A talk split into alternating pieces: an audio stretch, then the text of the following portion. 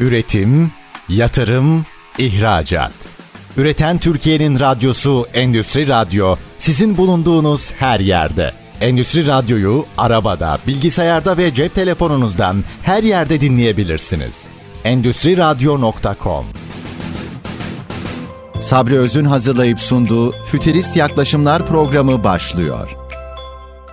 ST Endüstri Radyo'da ben Sabri Öz, Fütürist Yaklaşımlardan herkese iyi günler diliyoruz. Bugünkü konuğumuz e, Digitohum Teknoloji Anonim Şirketi kurucusu ve yönetim kurulu başkanı Engin Işık Bey ile birlikteyiz. Engin Bey hoş geldiniz. Hoş bulduk hocam. Herkese merhabalar. Önemli bir konuyu konuşacağız. İlginç de bir konuyu konuşacağız aynı zamanda ve akabinde de organize sanayi bölgeleriyle özellikle organize sanayi bölgelerinin hem e, bugünkü yapılarını hem de e, geleceğini biraz daha sizinle istişare ediyor olacağız.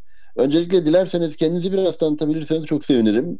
Dinleyicilerimiz sizi biraz tanısınlar. Buyurun. Tabii ki hocam. Tekrardan herkese merhabalar. Hocam öncelikle sizin gibi ilmi derinliği olan değerli bir üstad bu programı yapıyor olmak benim için çok gurur verici.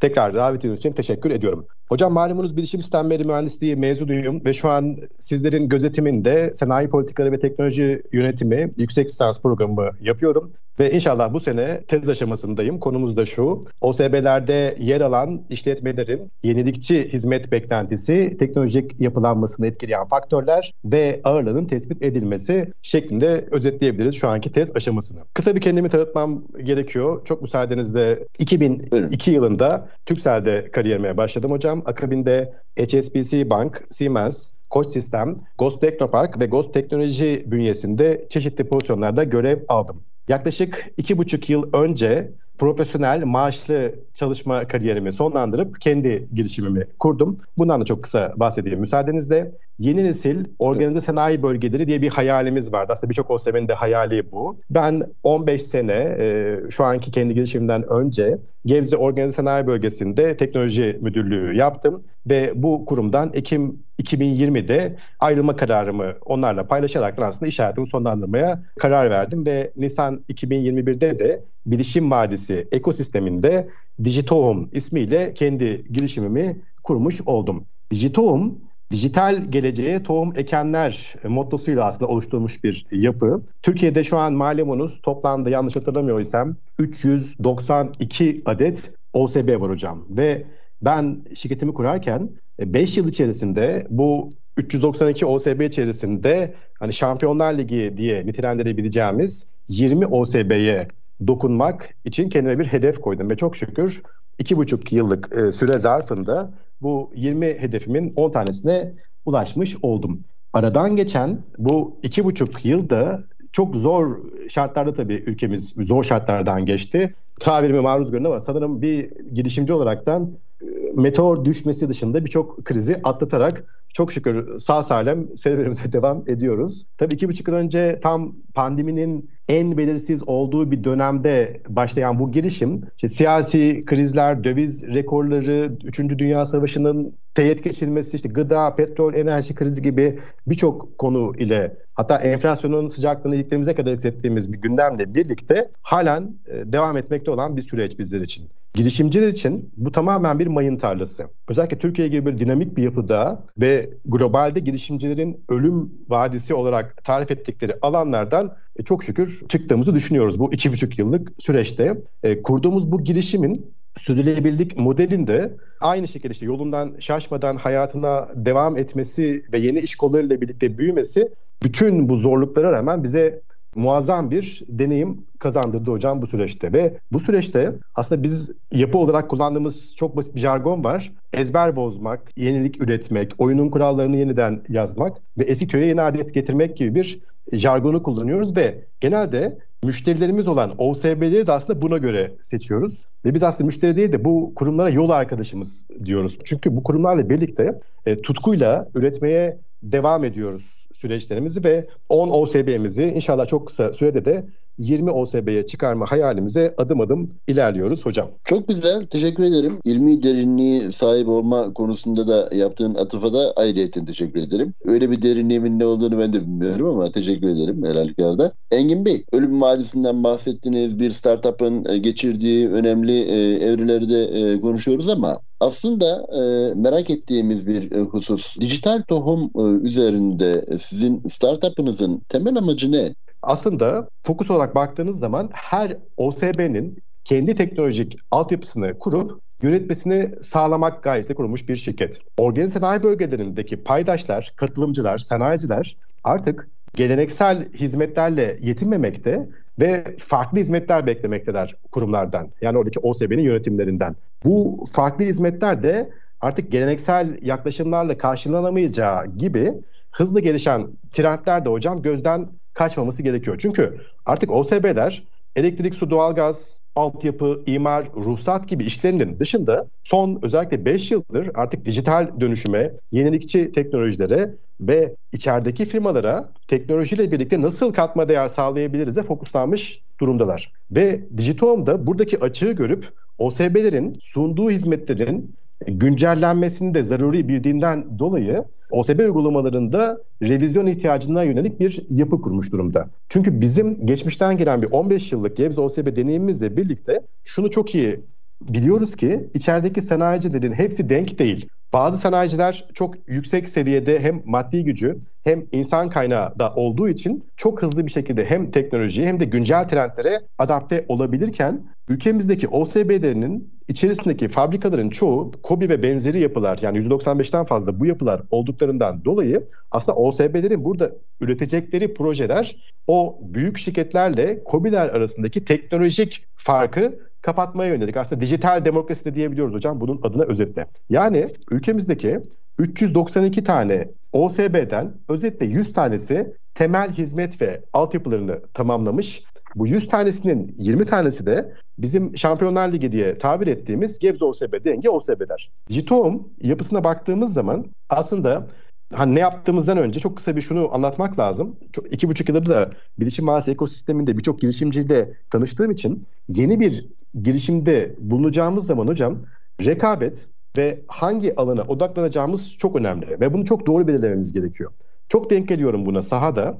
Türkiye'de fikri olan çoğu kişi bu fikrini hemen bir an önce Türkiye'ye hatta globale satmak için e, bütün enerjisini, maddi gücünü ve insan kaynağını çok büyük adımlarla doğrulamaya çalışıyor. Ama biz Digital'ı kurarken çok küçük bir halkada sadece şunu hedefledik. Dedik ki bizim en iyi bildiğimiz iş Türkiye'deki organize sanayi bölgelerinin teknolojik dönüşümleri, teknolojik altyapıları ve buradan oluşturulacak hizmetlerin içerideki firmalara sağlayacağı katma değer. Aslında bunu bir metaforla da açıklayabiliriz. Bu hani tohum, diji birleştirmesinden ortaya çıkan bir kavram ama ne diyoruz bizim bu tohum mantığına? Aslında bu bir fikir. Biz bu OSB'lere bir fikirle gidiyoruz. Diyoruz ki siz ile birlikte bir proje yapacağız. Bunun tohumunu ekelim. Yani tohum nasıl bir ağaca dönüşmesi gereken bir süreci bekleyecekse aslında biz de 15 yıl bu OSB'lerde kazandığımız deneyimle birlikte bu tohumu nereye ekeceğimizi,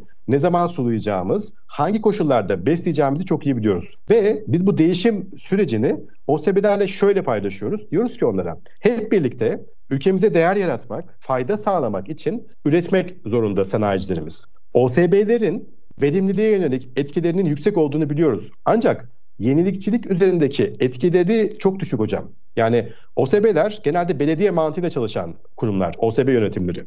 Türkiye'nin ancak verimliliğe dayalı ekonomiden yenilikçiye dayalı ekonomiye geçmek gibi bir hedefi var yaklaşık 20 yıldır. Ancak OSB'lerin sunduğu hizmetler bu 20 yılda bu yenilikçi tempoyu yakalayabildi mi? Hayır. Tabii ki firmaların yenilikçi istekleri OSB yönetimlerinin de ufak ufak dijital geleceğe dönelik hizmetlere evrilmeye itiyor. Özetle OSB'ler artık sadece içerideki yatırımcılarına arsa tahsis eden, altyapı hizmeti sunan bölgeler olmaktan çıkmaya başladılar. Tabii ki hepsi değil. İnşallah hepsi olacak böyle ancak bunlar tabii ki yavaş yavaş olacak konular. Bu dijitalleşme, teknoloji konularındaki inovatif projeler tabii ki içerideki birçok kuruma, fabrikaya katalizör görevi görecek. Şimdi baktığınız zaman teknolojik altyapısı kuvvetli, dijital çağın gereksinimlerine uygun çözümler sunan OSB'ler aslında yeni dünya düzenine uyum sağlamış ve tercih edilen OSB'ler haline geliyorlar. Özetle bizim projelerimizin amacı OSB bünyesindeki iletişim altyapısının oluşturulmasıyla başlıyor.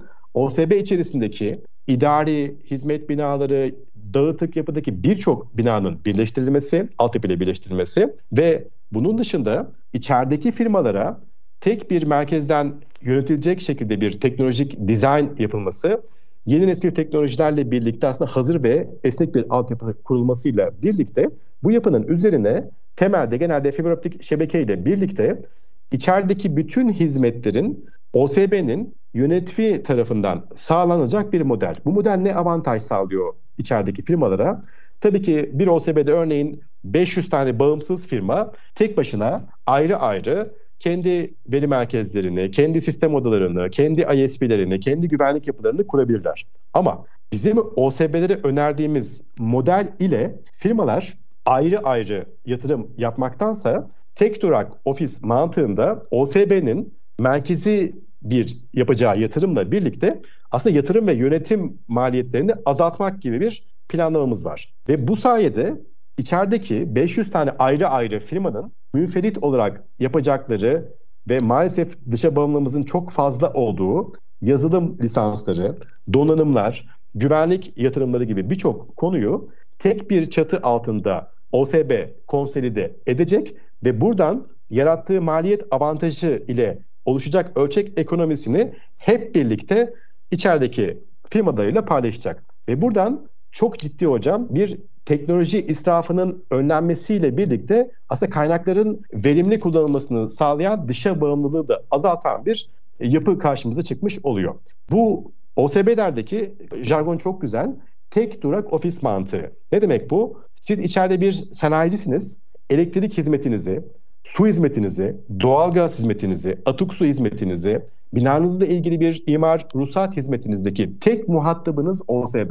Ve aynı şekilde teknoloji hizmetlerini de dışarıdaki çok farklı ISP'ler, CSP'lerle tabii ki OSB'lerle ortaklık kuruyor. Burada OSB'lerin şöyle bir hakkı yok. OSB'lerin hakları OSB mevzuatından gelen şekilde sadece bu hatları dışarıdan alıp içeride dağıtmak. Ama çok büyük bir yapıdan bahsediyoruz. Yani teker teker firmaları saydığınız zaman sağlayacağınız maliyet avantajı ve konsolidasyon muazzam bir boyuta çıkıyor. Özetle tek durak ofis mantığında OSB'ler hem paydaşlarının finansman yükünün hafifletilmesine olanak sağlıyor hem de bu şekilde böyle yeni girişimler ve KOBİ gibi firmaların rekabet gücünün artmasına katkı sağlıyor. Nasıl katkı sağlıyor? Tekrar bir 5 dakika önceye dönmüş olacağım ama büyük holdinglerimiz, büyük fabrikalarımız zaten maddi olarak insan kaynağı olarak, danışman kadrosu olarak bu tip güncel teknoloji ve trendlere çok hızlı adapte olabiliyorlar. Ama maalesef kobilerimiz ve diğer kobilerimize benzeyen şirketlerimizin bu hızı yakalaması çok zor. Ve bu tip bu tip teknolojik hızları yakalayamadığınız zaman da dünya ile maalesef rekabet edemiyorsunuz. Ülkemizin üretim üstleri bu OSB'ler. Yani 400'e yakın OSB'den bahsediyoruz ve çok ciddi bir ihracat ve ithalat tarafına baktığınız zaman büyük bir paranın döndüğü yerler OSB'ler. Ve bu tip üretimlerin durması, susması veya bur- buradaki rekabet dengesini bozacak birçok etken öncelikle sanayiciye zarar verecektir. Ülkemizdeki şeylere baktığınız zaman da süreçlere aslında OSB'ler mevcut teknoloji trendlerini yakalayabilmeleri için paydaşları ile işbirliği yapmak zorundalar. Çünkü üzerine ve altında çizerek bahsedeceğim. İçerideki firmaların %95'inden fazlası küçük ve orta ölçekli yapıdalar. Bu bağlamda OSB yönetimleri ve içerideki katılımcılar hem performans ve rekabet edebilirlik düzeylerini arttırmak hem de onlara yardımcı mekanizmalar sunmak zorundalar. Biz şirket olarak OSB yönetimleriyle birlikte işletmelerin aslında idari işlemlerini yürüten mekanizmalar olmayarak yani OSB'lerin, OSB'lerin merkezlerinin artık e, sadece idari işlemleri yürüten mekanizmalardan çıkıp aynı zamanda işletmelere rehberlik eden, rekabet güçlerini ve verimliliklerini arttırmalarına öncülük eden kuruluşlar yani bu dönüşümü sağlamak için adapte olmuş kuruluşlar olmaları, olmalarıyla ilgili çalışmalar yapıyoruz. Özetle hocam umarım anlatabilmişimdir. Çok güzel bir özet oldu. Birinci bölümü bitirttin bana. Eyvallah hocam. e, Amerika Birleşik Devletleri'ni Amerika Birleşik Devleti yapan şeyin aslında startuplar olduğunu söylüyoruz e, zaman zaman programlarımızda. Startupların önemi çok e, büyük. Ancak tabii burada OSB hayranlığınızı keyifle dinliyoruz yani ciddi bir OSB hayranlığınız var sizin biliyorum. OSB'deki verimlilikler ve sürdürülebilirlik üzerine yapılmakta olan çalışmaları da bir sonraki bölümümüzde e, ele alırız biraz daha etraflı bir şekilde ama tabii burada yeni dünya düzeni diyorsunuz ya aklıma Profesör Doktor Sayın Yorgun'un e, ifadesi geldi. Yeni dünya düzeni mi, yeni dünya düzensizliği mi? Üzerine bir e, şeyi vardı, yorumu vardı onun. O aklıma geldi. Hem dijital anlamda e, özellikle ölüm vadisini geçme sürecindeki dijital tohum üzerinde e, odaklanma odaklanmış biçimdeki çalışmalarınızı dinlemiş olduk. Hem de biraz OSB'yi daha yakından tanıma fırsatı bulduk OSB'leri. Şimdi dilerseniz kısa bir ara verelim. Oradan sonra biraz daha OSB'leri özellikle teknoparklar, teknokentler, efendim teknoloji transfer ofisleri arasındaki farklar vesaire falan onlar üzerinde de biraz e, sohbet ederek dinleyicilerimizi elimizden geldiğince e, bilgilendirmeye çalışalım. Ne dersiniz? Memnuniyetle hocam tabii ki. O halde kısa bir ara veriyoruz. Efendim bugün Fütürist yaklaşımlarda konuğumuz Engin Işık Bey. Özellikle dijital tohum teknoloji anonim şirketi altında yapmış oldukları çalışmalar ve bunun OSB'lere yansımaları üzerinde birinci bölümümüzü e, tamamlamış olduk. Kısa bir ara veriyoruz. Bizden ayrılmayın lütfen. Üretim, yatırım, ihracat. Üreten Türkiye'nin radyosu Endüstri Radyo sizin bulunduğunuz her yerde. Endüstri Radyo'yu arabada, bilgisayarda ve cep telefonunuzdan her yerde dinleyebilirsiniz. Endüstri Radyo.com Üçüncü yaklaşımlarda e, Digitohum Teknoloji Yönetim Kurulu Başkanı ve kurucusu Engin Işık Bey ile birlikte söyleşimiz devam ediyor. Efendim verimlilik ve e, sürdürülebilirlik artık dillere çokça e, pelesenk olmuş bir tabir. Özellikle sürdürülebilirlik. Ancak bu konuya geçmeden önce dilerseniz OSB'ler ile teknoloji merkezleri ya da teknoparklar, teknokentler arasındaki farklara kısaca bir değinelim. Ondan sonra yolumuza devam edelim diye düşünüyorum. Ne dersiniz Zengin Bey? Uygundur hocam tabii ki. Sözü size bırakayım ben buyurun. Estağfurullah tabii ki. Dilim dönünce anlatmaya çalışayım. Şimdi ben yaklaşık 15 yıl Gebze OSB'de ve Gosp'un Teknopark'ında ve son 3 yıldır da şu an ona yakın OSB ve Teknopark'la çalışıyorum. Ve kısaca gözlemlerimi paylaşayım müsaadenizle. Şu an sayılarla başlayalım. Türkiye'de 392 OSB ve sanırım yüzü geçtik. En son 101 olmamız lazım. 101 tane teknoparkımız mevcut. İlk biraz geçmişe gidiyorum. 2000'li yıllarda Türkiye'de Allah rahmet eylesin rahmetli Özal'ın da çok büyük katkısı olmuştur bu konularda. Teknoparklar ilk kurulurken ilk ODTÜ ve TÜBİTAK'la birlikte Teknopark'ı kuran OSB Gebze OSB oldu ve aslında sanayinin içerisinde ilk Teknopark'tı. GOSP'un Teknopark'ı. Şimdi Teknoparklar çok farklı yapılarda ihtisas kazanabiliyorlar, uzmanlık kazanabiliyorlar, dikeyleşebiliyorlar. Bunun birkaç örneği var. İşte Bilişim Vadisi, İstanbul Teknopark gibi. İstanbul Teknopark mesela savunma sanayinde çok ön plana çıkmış. Bilişim Vadisi birçok ekosistemde mobilite gibi yapılarda öne çıkmış teknoparklar. Bunların dışında üçüncü bir yol da organize sanayi bölgelerinde kurulan teknoparklar. Şimdi teknoparklar OSB'ler çok farklı yapılar gibi gözükseler de aslında birbirine benzeyen birçok ortak noktaları var. Dışarıdan baktığınız zaman bir girişimci, bir startup, az sayıda personel olan bir yapı tabii ki eğer beyin yapısıyla bir şeyler oluşturup bir yazılımla, bir ürge aşamasına geçmek üzere olan bir fikirle ortaya çıktığı zaman teknoparklar ülkemizde çok büyük avantajlar ve teşviklerle onları büyülere katıyorlar. Bu girişimler buradaki ürünlerini, yazılımlarını, fikirlerini oluşturmak için örneğin yine ben kendi şirketimden bahsedeceğim. Biz hep OSB'leri konuştuk. Biz aynı zamanda e, bulut bilişim tarafında da yazılım geliştiren bir şirketiz. DevOps, Container, Kubernetes gibi mimarlarla çalışıyoruz ve şu an yaklaşık iki buçuk yıldır e, Bilişim Vadisi Gebze lokasyonunda kuluçka merkezi firması olarak faaliyet gösteriyoruz. Bizim için çok büyük avantajlar, bizim gibi yeni kurulan girişimler için teknoparklar. Nasıl anlatalım diye başlarsak bunları bir maddi avantajlar, iki personel avantajları. İkisinin de özetinde siz içeride çalıştırdığınız insan kaynağınızın bir şirket sahibi olaraktan çok büyük yükleri var. Bunların sigorta yapıları, vergi yapıları gibi yükleri. Herhangi bir dışarıda bir ofis tutacağınız zaman ofislerin maalesef çok büyük kira bedelleri var. Ancak teknoparklar ülkemizde biraz daha bu yapıların dışında girişimcileri de desteklemek üzerine kurgulanan yapılar olduklarından dolayı en azından kuluçka firması olarak şu an çok rahatlıkla söyleyebiliyorum. İlk 3 yıl boyunca çok yüksek destekler aldık ve almaya da devam ediyoruz. Özetle teknoparklar girişimciler için startuplar, fikri olan, yazılım üreten yani beyin tarafıyla çalışan yapılar için olanaklar sağlayan, teşvikler sunan ve buradan aslında üretilecek katma değerle birlikte yerli ve milli teknolojilere destek veren yapılar. Organize sanayi bölgeleri ise sizlerin bu fikirlerinizle birlikte artık ele avuca gelen, ürünleşmiş, üretime geçen, ürge tarafı bitmiş, arge tarafı bitmiş, ürünleştirdiğiniz ve bu ürünleri seri bir şekilde üretmek istediğiniz yapılardaki oluşturulmuş kurgular.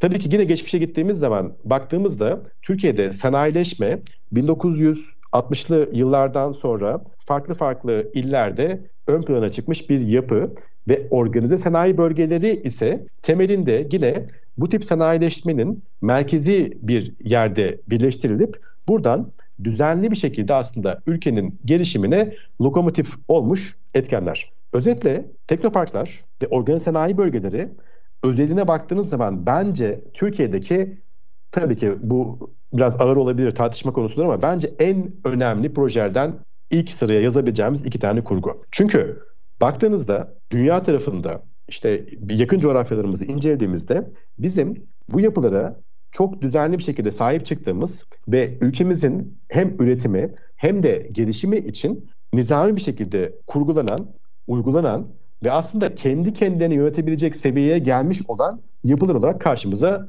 çıkıyor. Teknoparklar ve OSB'ler diye umarım özetleyebilmişimdir hocam. Birinci bölümde ifade ettiğin gibi son iki buçuk yılda hani üzerimize dünya genelinde de aslında sadece Türkiye'de değil de dünya genelinde de çok sayıda e, sorunlar oluştu. İşte pandemiden tutun da Ukrayna, Rusya gerginliği, şimdi işte Orta Doğu'daki meseleler vesaire falan. Ama tabii e, hani Türkiye üzerinde düşündüğümüz zaman da son 10 yılda e, her yıl bir felaketle karşılaşmışız aslında. Yani 2010 yılından itibaren şöyle baktığımızda zaman zaman sel felaketleri, zaman zaman e, işte maden ocaklarının patlamaları, zaman zaman e, depremler, heyelanlar vesaire yani her yıl mutlaka büyük bir problemle, büyük bir e, kriz denilebilecek bir olgu ile karşılaşmışız e, Türkiye açısından söylüyorum. Hatta her yılda da bir seçim düşüyor yanlış bilmiyorsam eğer. Yani yanlış hatırlamıyorsam e, senede bir seçime ortalamada senede bir seçime tekabül eden bir süreci yaşamışız 2010 yılından 2020 yılına kadar. Dolayısıyla e, böyle ortamlarda, kriz ortamlarında eğer e, OSB'nin ve teknoparkların olmadığı düşünüldüğü bir durumda, bir ekosistemde e, şirketlerin, işletmelerin, hele de yeni yapılanmış şirketlerin ayakta kalmaları hiç mümkün değildi. Bu anlamda OSB'ler, teknoparklar hakikaten çok önemli bir vazifeyi icra ediyorlar. O anlamda e, kesinlikle katılıyorum. Teşekkür ederim sizin de ifadeleriniz için. Şimdi tabii üniversite ve akademi tarafında teknoparklar biraz daha e, aktif görev alabiliyorlar. Aktif daha doğrusu üniversiteleri ve e, akademiyi teknoparklar, teknokentler biraz daha yakın alacak şekilde çalışabiliyorlar. OSB'ler bu anlamda biraz daha sanki dezavantajlı gibi. Yani 392'nin geneline baktığımız zaman söylüyorum bunu. Her OSB için bunu söylemek de çok doğru değil ama dediğiniz gibi odaklanma meselesinde de önemli e, ayrımlara e, gidildiği görülebiliyor. Teşekkür ederim Engin Bey. Peki şimdi biraz sürdürülebilirlik ve verimlilik konusuna e, değinelim. Verimlilik deyince aslında e, bir sisteme verdiğimiz e, şey ile sistemden elde ettiğimiz çıktı arasındaki oran ifade ediliyor geneli itibariyle ama siz bu kaynak verimliliğini artırabilmek ve özellikle de son zamanların çokça konuşulan yeşil ekonomisi, yeşil üretim anlayışı, efendim özellikle karbondioksit yani sera gazı e, ve karbondioksit, karbon ayak izi e, hesaplamaları vesaire gibi konularda OSB'lerde ne gibi çalışmalar yapılıyor? Hocam çok güzel bir konu. Özetleyeyim ama şöyle başlayayım. Biz her yıl bu hani hedef Şampiyonlar Ligi dediğimiz müşterilerimizin, müşteri demeyelim yol arkadaşlarımızın e, bölge müdürlerini, burada bölge müdürü organizasyon bölgelerindeki profesyonel olarak çalışan en üst düzey kişi yani bir şirketteki genel müdür seviyesindeki kişi. Bölge müdürlerimizi ve oradaki e, teknoloji liderlerimizi her yıl 3 günlük böyle bir kamp şeklinde e, bir teknoloji zirvesi düzenleyip onları o etkinlikte birbirimizi güncelliyoruz diyelim. Hem biz güncelliyoruz hem onlardan gerekli güncel bilgileri alıyoruz. Bu yılda 3-5 Kasım tarihlerinde Kıbrıs'ta bir etkinliğimiz olacak. Buradan sizi de davet etmiş olayım hocam. Aslında çok güzel bir yere temas ettiniz. Çünkü etkinliğimizin gündemi organizasyonel, daha doğrusu teması organizasyonel dayanıklılık ve dayanıklılık ve sürdürülebilirlik. Burada yeni bir jargon çıkıyor karşımıza. İkiz dönüşüm. İkiz dönüşüm özetle yeşil ve dijital OSB.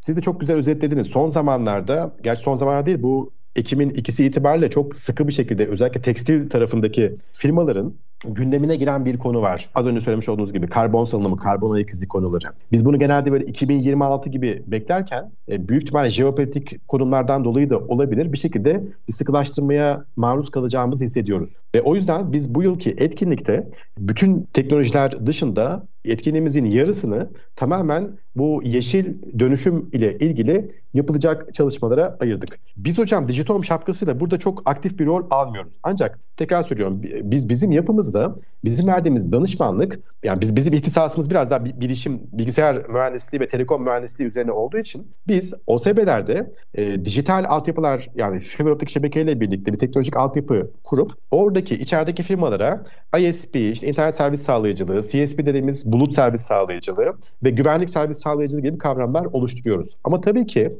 bu konuştuğumuz yeşil konuları, enerji verimliliği gibi konularda da bu altyapıların değeri ortaya çıkıyor. Özetle siz OSB'lerde bu çok güzel bir anlatım olabilir aslında bütün hepimiz için. Biz bir otoban kuruyoruz OSB'ye. Çok şeritli bir otoban. Şimdi yeşil dönüşüm gibi konular, enerji depolama gibi konular çok revaçta.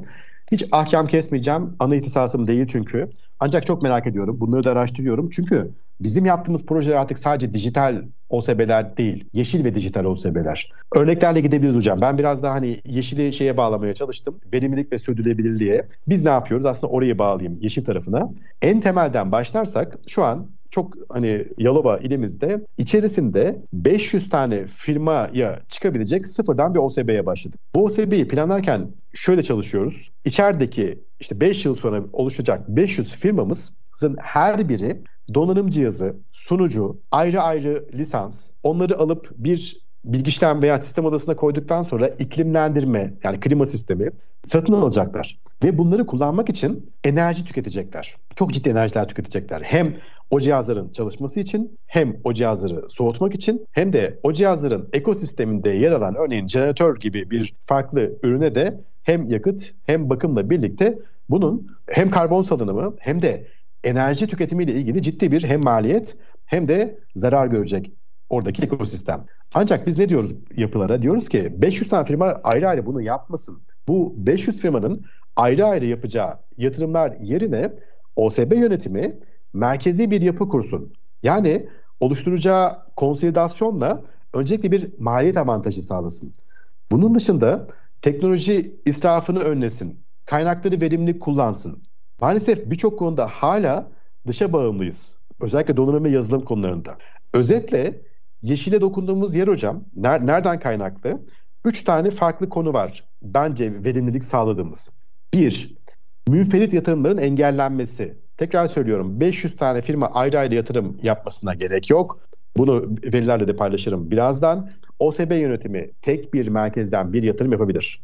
Ve toplu satın alma gücü 2. Ne demek bu? Örnek veriyorum siz fabrikanıza bir sunucu, bir storage, işte 100 megabitlik internet, onun güvenlik yapısını kurmak için bir fiyat teklifi alıp bir ürün alıyorsunuz. Ama siz 500 firma için böyle bir yapı kuracağınız zaman çok daha optimum fiyatlarla ve çok büyük re- rekabet avantajlarıyla daha ekonomik yapılar kurabiliyorsunuz. Ve bence en önemli konu 3. Nitelikli iş gücünün optimum kullanımı. Şu an bence Türkiye'deki en önemli sorunlarımızdan bir tanesi nitelikli insan kaynağına erişim ve bu insan kaynağını elde tutabilmek. Yine fabrikalarda örnek vereceğim. Fabrikalarımız içerisinde genelde çok fazla teknoloji çalışanı barındırabilecek yapılar değiller. Bazılarında bir tane arkadaşımız çalışır ve genelde enerjiyle çalışan her işe bakar bu arkadaşımız. Ama aslında bu arkadaşımızın şunu yapması lazım. Bu tip operasyonlarla uğraşmaması lazım. Bu arkadaşımız o şirketi nasıl yeni teknolojilere adapte edeceğini kafa yorması lazım. Ve bu teknolojilerle uğraşması lazım. Ve 500 ayrı firmamız 500 tane nitelikli ayrı insan kaynağına ulaşması çok zor. Bunun yerine OSB merkezi yapıda nitelikli bu insan kaynaklarını bir araya getirip bu insan kaynaklarının optimum çalışmasıyla birlikte içeride bir katma değer sağlayabilir. İşin özüne baktığımızda hocam aslında bir nevi verimlilik ve yeşil projesi yapıyoruz. Her sanayici tekrar söylüyorum 5 yılda bir, gerçi 10 yılda bir yenileyenler de var ama or- ortalamasına baktığımız zaman dünya sanatında da 5 yılda bir bu sunucu veri depolama cihazları yenilenmekte. Ve bu, bu cihazlar bir sistem odası içerisinde enerji tüketmekte. Ve bu cihazların çalışması için o odalarda iklimlendirme sistemleri kullanılmakta. Biraz rakamlarla gidelim daha anlaşılır olur. Örneğin bir katılımcımız 5 yılda ortalama 100 bin dolarlık donanım. Donanımdan kastımız işte sunucu, storage gibi ürünler ve yazılım bedeli harcıyor. Bu kendi fabrikasını yönetmek için. Bunu çok abartmayalım 500'e 100 sanayici ile hesaplayalım. Mesela 100 sanayici için hesapladığımızda ortalama 5 yılda 10 milyon dolarlık bir dışarıya akan kaynak çıkıyor karşımıza. OSB bu 100 sanayici için merkezi bir şekilde kendi veri merkezini kurup buraya yapacağı örneğin işte 2 milyon dolarlık bir yatırımla birlikte çünkü ana sorun da şu hocam bu fabrikalar 5 yılda bir bu cihazlarını yeniliyorlar ya bu cihazların inanın ki hiçbirini %100 performansla kullanmıyorlar. Bu cihazların CPU'ları, RAM'leri dediğimiz donanım kapasite örneğin telefondan gidelim. Telefonumuz benim eski ama 12 sanırım. Neyse markada vermeyelim. Yani benim benim telefonum 3 3 3 yıllık bir telefon diyelim. Kapasitesi de atıyorum 128 GB ama içinde benim bile bilmediğim bir sürü özelliği var. İşlemcisi çok kuvvetli, işte GPU'su çok iyi, birkaç tane kamerası var filan. Ancak ben bu telefonun hocam sanırım %5'ini onunu kullanıyorum. Yani %90'ı yatıyor şu an. Ve maalesef bu telefon 5-6 yıl sonra artık yavaşlamaya başlıyor. Tabii onun da sebepleri aşikar. Çok girmeyelim o konulara. Ve ben bunu 5-6 yıl sonra değiştirmek zorunda kalıyorum. Sanayicilerimizin yaptığı bu yatırımlar da böyle. Bu donanım cihazları alınıyor ve maalesef optimum bir şekilde kullanılamıyor. Ancak tekrar dönelim özetimize. Bu OSB'nin 100 sanayici için yapacağı bu yatırım ortalamada %70 ile 80 civarında bir tasarruf sağlayabiliyor. Yani 5 yılın sonunda 8 milyon dolarlık bir donanım ve yazılım kaynağı ülke dışına çıkmamış oluyor. Bu bence çok değerli bir şey. Bir tane deniz kenarına gelmiş yıldız, yosun neyse onu onu alıp kurtarmak bizim için çok değerli. Ve sanayiciler bu, bu yapıları aldıkları zaman bence daha da değerli bir yere geliyoruz. Tamam doları dışarı çıkmasını engelledik. Bununla birlikte bu ürünler hepsinin fabrikasındaki bir sistem odasında çalışıyor. Yani yine belki beşinci kez söylemiş olacağım ama hep enerji verimliliği konusuna gidiyoruz ya. Niye 500 tane firma evet. ayrı ayrı sistem odası kurup elektrik harcıyor bu cihazlara ve bu cihazlar için klima sistemleri kuruyor. Bunların bakımları için dünya kadar para harcıyor. Özetle bir firma 5 yılda ortalama 50 bin dolar civarında enerji ve enerjiye bağlı giderlerle birlikte bakım bedeli ödüyor. Yani 100 sanayici için bu bedel 5 milyon dolara çıkıyor hocam. Sadece bir OSB'deki 100 sanayici için. Ve bu proje kapsamında sanayiciler aslında ayrı ayrı hem insan kaynağından hem donanımdan hem yazılımdan tasarruf sağlamış oluyor. Yani 5 yılda 100 sanayici için bir OSB'deki veri merkezi kurgusundaki tasarruf sadece 100 sanayicide 13 milyon dolar civarında hem enerjide hem donanım ve yazılımda dışa bağımlılığımızı azaltıyor. Ben çok değerli bir konu. Tamam hani ben bir çevre mühendisi, bir enerji mühendisi olmasam da bu kurguladığımız teknolojik altyapılarla birlikte aslında yeşil ve dijital OSB'lere çok güzel e, tasarruf kaynakları sunmuş oluyoruz diye toparlayayım hocam. Engin Bey çok teşekkür ediyorum. Çok e, keyifli ve bölmek de istemedim işin açığı. Süremizi açtık. İkinci bölümün süresini açtık. Sadece verimlilik ve sürdürülebilirlik deyince yani aslında dönüşüm ekonomisinden bahsediyoruz bir anlamda. Dönüşüm ekonomisi üzerinde e, konuşsak zaten programın tamamını neredeyse harcamamız gerekecek herhalde. Daha yeni nesil OSB'leri e, şöyle kısaca bir tanımlamanızı isteyeceğim. Çokça bahsediyorsunuz çünkü ama bir sonraki e, bölümümüzde devam edelim izin verirseniz. Kısa bir ara verelim. Efendim Fütürist yaklaşımlarda bu hafta FT Endüstri Radyo'da e, Digitohum Teknoloji Yönetim Kurulu Başkanı ve kurucusu Engin Işık Bey ile e, birlikteyiz. Söyleşimiz 3. bölümde devam edecek. Kısa bir ara veriyoruz. Bizden ayrılmayın lütfen. Üretim, yatırım, ihracat. Üreten Türkiye'nin radyosu Endüstri Radyo sizin bulunduğunuz her yerde. Endüstri Radyo'yu arabada, bilgisayarda ve cep telefonunuzdan her yerde dinleyebilirsiniz. Endüstri Radyo.com ST Endüstri Radyo'da yaklaşımlarda 3. bölümümüze geçiyoruz. Digitohum Teknoloji Anonim Şirketi Yönetim Kurulu Başkanı ve kurucusu Engin Işık Bey ile birlikteyiz. Aynı zamanda sanayi politikaları ve teknoloji yönetiminde e, yüksek lisansını da yapıyor. Doktoraya da e, devam edecek diye e, beklentimiz o yönde. Engin Bey ikinci bölümü verimlilik ve sürdürülebilirlikle yedik. Ama bunu konuşurken özellikle yeni nesil OSB'lerden de çok fazla e, bahsettin.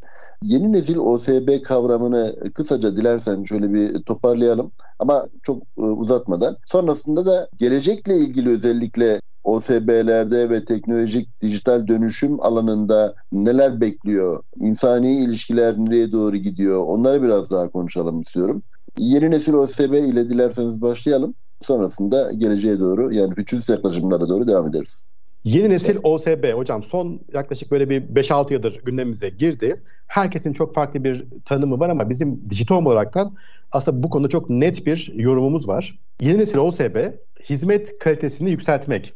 Bunu yaparken de kaynakları etkin ve verimli kullanmak amacıyla teknolojik imkanlardan ve verilerden ileri seviyede yararlanan, burası çok önemli, OSB'nin tüm paydaşlarının OSB yönetimiyle entegre olduğu sürdürülebilir bir alandır. Biz aslında bu, bu, bu yapıyı böyle kurguluyoruz. Dijital dönüşümün önemini kavramış ve bu konuyu stratejik yatırım alanı olarak belirlemiş OSB'ler bizim için aslında yeni nesil OSB'ler olarak karşımıza çıkıyor. Özetle geleneksel altyapı ihtiyaçlarına cevap vermek dışında yenilikçi hizmetler için istek ve ortam yaratan bölgelerdir hocam yeni nesil OSB'ler.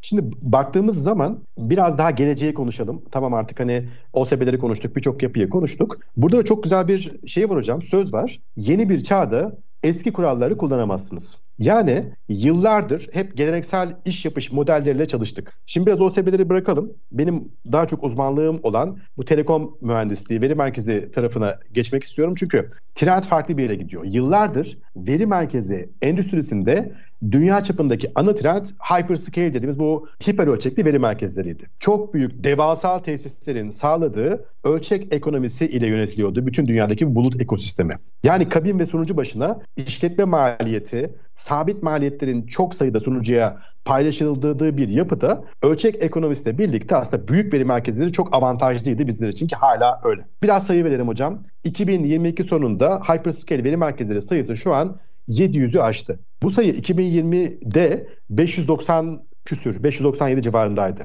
2019'da 500 civarındaydı. Yani her yıl neredeyse 100 tane hyperscale veri merkezi kuruluyor. Devasa veri merkezleri. Bu tesislerin %40'a yakını Amerika'da hocam. %10'u Çin'de. Geri kalanları Japonya, Almanya, İngiltere gibi ülkelerde. İsim vermeyeceğim reklama kaçmasın ama dünyadaki şu an 3 büyük cloud sağlayıcı bu hyperscale veri merkezlerinin yarısından fazlasına sahip. Niye hyperscale başladım?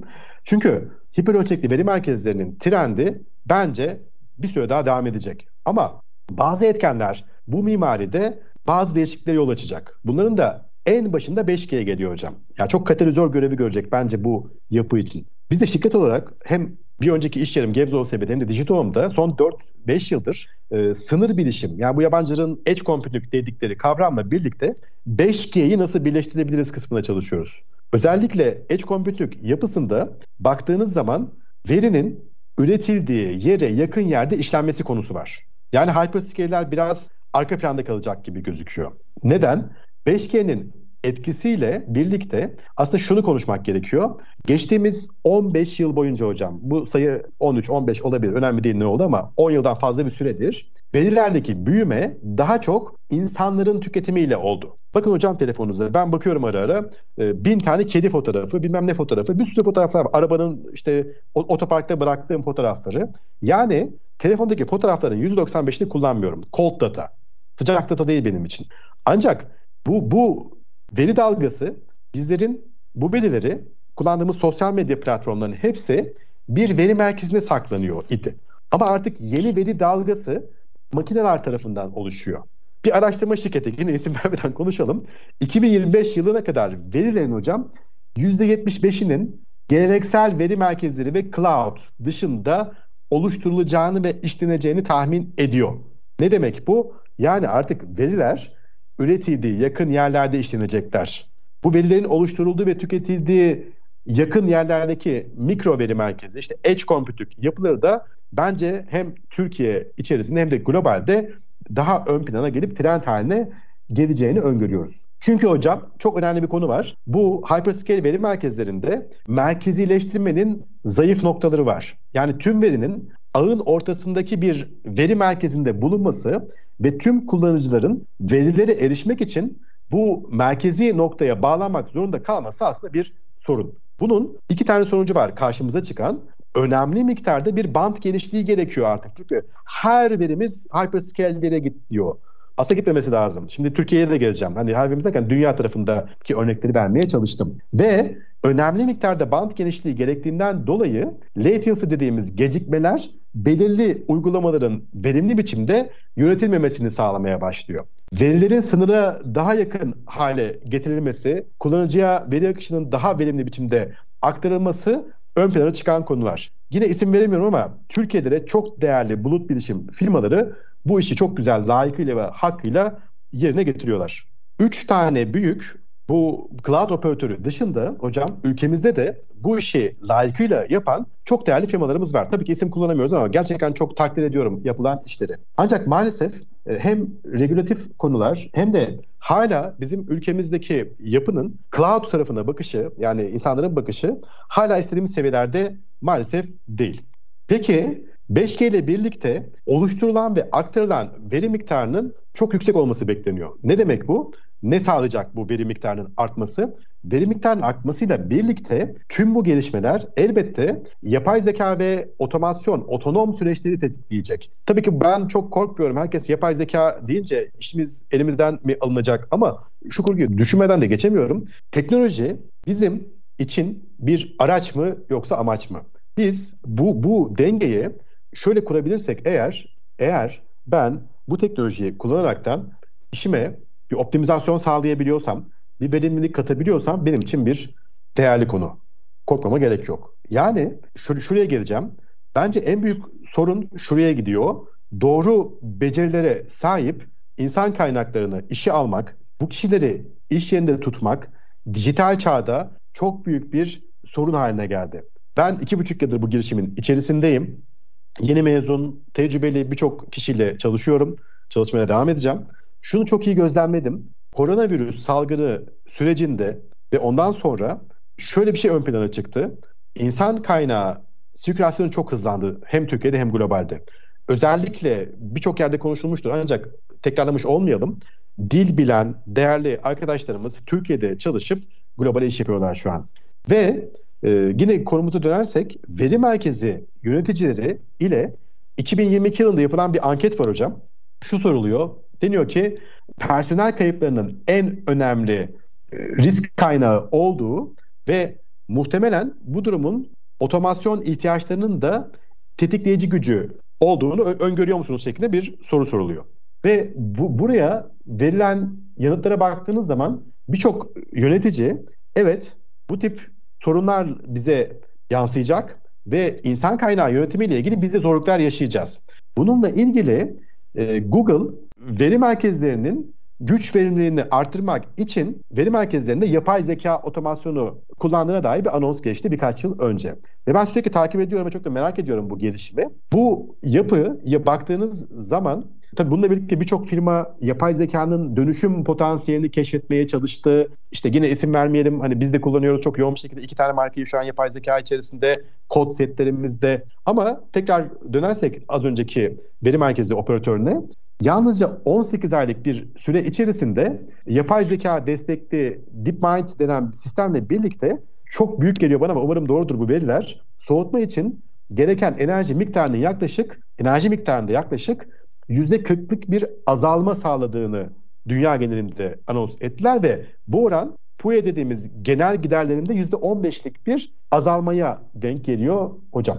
Şimdi şöyle bir şey var tabii özellikle yapay zekada son zamanlarda gelişen yapay zekalarda kodlama yaptırabilme konusunda da çok önemli e, gelişmeler var ve kodlama yaptırıyorsunuz aslında. Yani bilgisayar evet. mühendislerinin ya da işte bilgisayar e, program kod yazarlarının aslında mesleklerini tehlikeye atıcı bir e, husus gibi gözükse de aslında şöyle bir e, mesele var. Soğumanın e, ana daha doğrusu soğuma maliyetindeki azalmanın ana etkenlerinden bir tanesi şu. Şimdi bilgisayarın bir algoritmaya daha doğrusu e, verdiğiniz bir yapmakta olduğunuz e, bir çalışmanın yapay zeka e, tarafındaki bir kodlayıcı üzerinde çalışıyor olması lazım. Bir kodlama tarafının çalışıyor olması lazım ve bu kodlama tarafında değerlemenin ne kadar etkin bir şekilde e, yolunu bulursanız ona göre sizin de bilgisayarınız o kadar az yorulur. Merkezi e, proses ünitesi dediğimiz yani CPU dediğimiz e, meseleyi o kadar az yorar. Dolayısıyla burada algoritmik savaşlar ve özellikle de büyük verinin oluşumuyla birlikte değerlendirilen yapay zekanın elde ettiği kodlama e, biçimi ciddi anlamda bu e, meseleye ışık tutuyor ve işi kolaylaştırıyor. İşi daha basit çözümlerle ortaya koymuş oluyor. Bu münasebetle de bilgisayarınız veya sisteminiz e, daha az e, ısı üretir hale geliyor ki en büyük maliyetlerden bir tanesi aslında soğutma maliyeti. Yani e, bu yüzden mesela okyanus altlarına falan kurarlar. E, önemli büyük firmaların ve özellikle Web 2.0 tarzında sosyal medya tarafından e, veriyi çeken büyük işletmelerin e, data center'larını okyanus altlarında falan kurarlar. Soğuma konusunda destek versin düşüncesiyle. Dolayısıyla e, bu anlamda çok önemli bir konuydu. Çok teşekkür ederim. Rica ederim hocam. Bununla ilgili aslında girişimler ve girişimcilerin özellikle üretken beyinler nasıl bir e, çalışma ortamı arıyorlar e, onu da aslında sizinle etraflı bir şekilde istişare etmek isterdim ama zamanımızın da sonuna doğru geliyoruz. Dilersen onunla da birlikte şöyle birkaç cümle daha söylemek istersen son cümlelerinizi alalım. Ondan sonra da programımızı yavaş yavaş kapatıyor olalım. Şimdi girişimcilerin yazılım ve ARGE şirketlerinin ve şirket çalışanlarının beklentisi sıralamaya baktığınız zaman en başında mekandan bağımsız çalışabilme esnekliği var. Ve pandemiyle birlikte bu çok arttı. Neden? Şimdi baktığınız zaman benim şahsi oyum hocam hibrit çalışmadan yana. Ama ekosistem, networking, sinerji anlamında bazı yerlerde bir araya gelmemiz gerekiyor çalışanlarla. Ve biz bir teknoloji geliştirme bölgesi şirketi olaraktan ve bir kuluçka firması olaraktan bundan çok memnunuz. Bir Teknopark'ta yer almaktan dolayı. Ama benim hayalim hep şuydu hocam. Bunu e, şu an COSGAP başkanımız olan eski bilişim mühendisi genel müdürü Serdar Bey de çok savunur. Bir Teknopark firması olarak ben evim İstanbul'da, İstanbul'da ikamet edip evimden çıktığı zaman evime herhangi yakın bir teknoparka gidip çalışabilmeliyim. Veya seyahat halindeyim. İşte İzmir'e gidiyorum, Antalya'ya gidiyorum. İzmir'deki bir teknoparka gidip, Antalya'daki bir teknoparka gidip oralarda etkinlikler, arkadaşlarımla bir araya gelebileceğim toplantılar yapabilmeliyim. Henüz mevcut değil ama umarım yakın zamanda bu mevcut olacak. Teknoparklar girişimciler, ülkemizdeki girişimciler için bence çok önemli nimetler sunuyorlar. Şimdi bazen şöyle bakıyoruz, alt gözlüğü kullanıyoruz tabii ki birçok konuda bir ön yargılıyız. Ya teknoparklarda ne işimiz var? İşte sadece ofis kiralayan yerlerdir oralar gibi yorumları çok duyuyorum ama kesinlikle katılmıyorum. Bir teknopark ekosistemi eğer verimli bir yapıda çalışıyor ise siz orada diğerlerine uyum sağlamak zorunda kendinizi hissedip bir şeyler yapmakla hükümlülük haline getiriyorsunuz oradaki sürecinizi. Teknoparklar ülkemizdeki girişimler için çok önemli faydalar sağlamaya artarak devam ediyor. Birkaç örnekle pekiştireceğim. Yakın zamanda çıkan bir yasayla birlikte e, uzaktan çalışma desteği bazı mesleklerde, mesela bilgisayar mühendisi, yazılım mühendisi gibi mesleklerde %100'e çıkartıldı. Bu adım hem işveren üzerindeki uzaktan çalışma isteyen çalışan baskısını azalttı hem de çok olmasa da yurt dışındaki yurt dışına kaptırdığımız nitelikli insan kaynağı ile ilgili aslında bir nebze de olsa engel olabilecek bir adımdı. Bu kararın alınmasında çok yakından bildiğim bazı STK'ların hiç kuşkusuz çok büyük payları var. Ve bu vesileyle bütün o yazılımcılar ve emekçiler için bu STK'larımıza çok teşekkür ediyorum.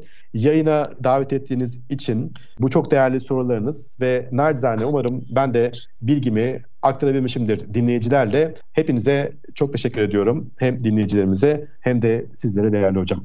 Ben çok teşekkür ediyorum katılımınız ve değerli bilgileriniz için, e, bizi yönlendirdiğiniz için. Gig ekonomisi adı altında bir e, çalışmayı yürütüyoruz biz de.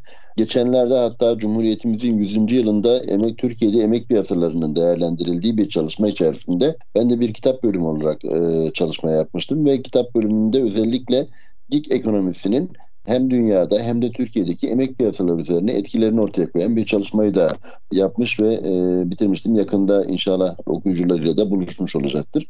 Futurist yaklaşımlarda FT Endüstri Radyo'da bugünkü konuğum Digitohum Teknoloji Anonim Şirketi kurucusu ve yönetim kurulu başkanı Engin Işık Bey idi. Engin Bey'e teşekkür ediyoruz. Efendim e, bugünkü programımızda bu şekilde sona erdirmiş oluyoruz. İlim ve bilim üzerine kalın diyerek herkese saygı ve sevgiyle selamlıyoruz.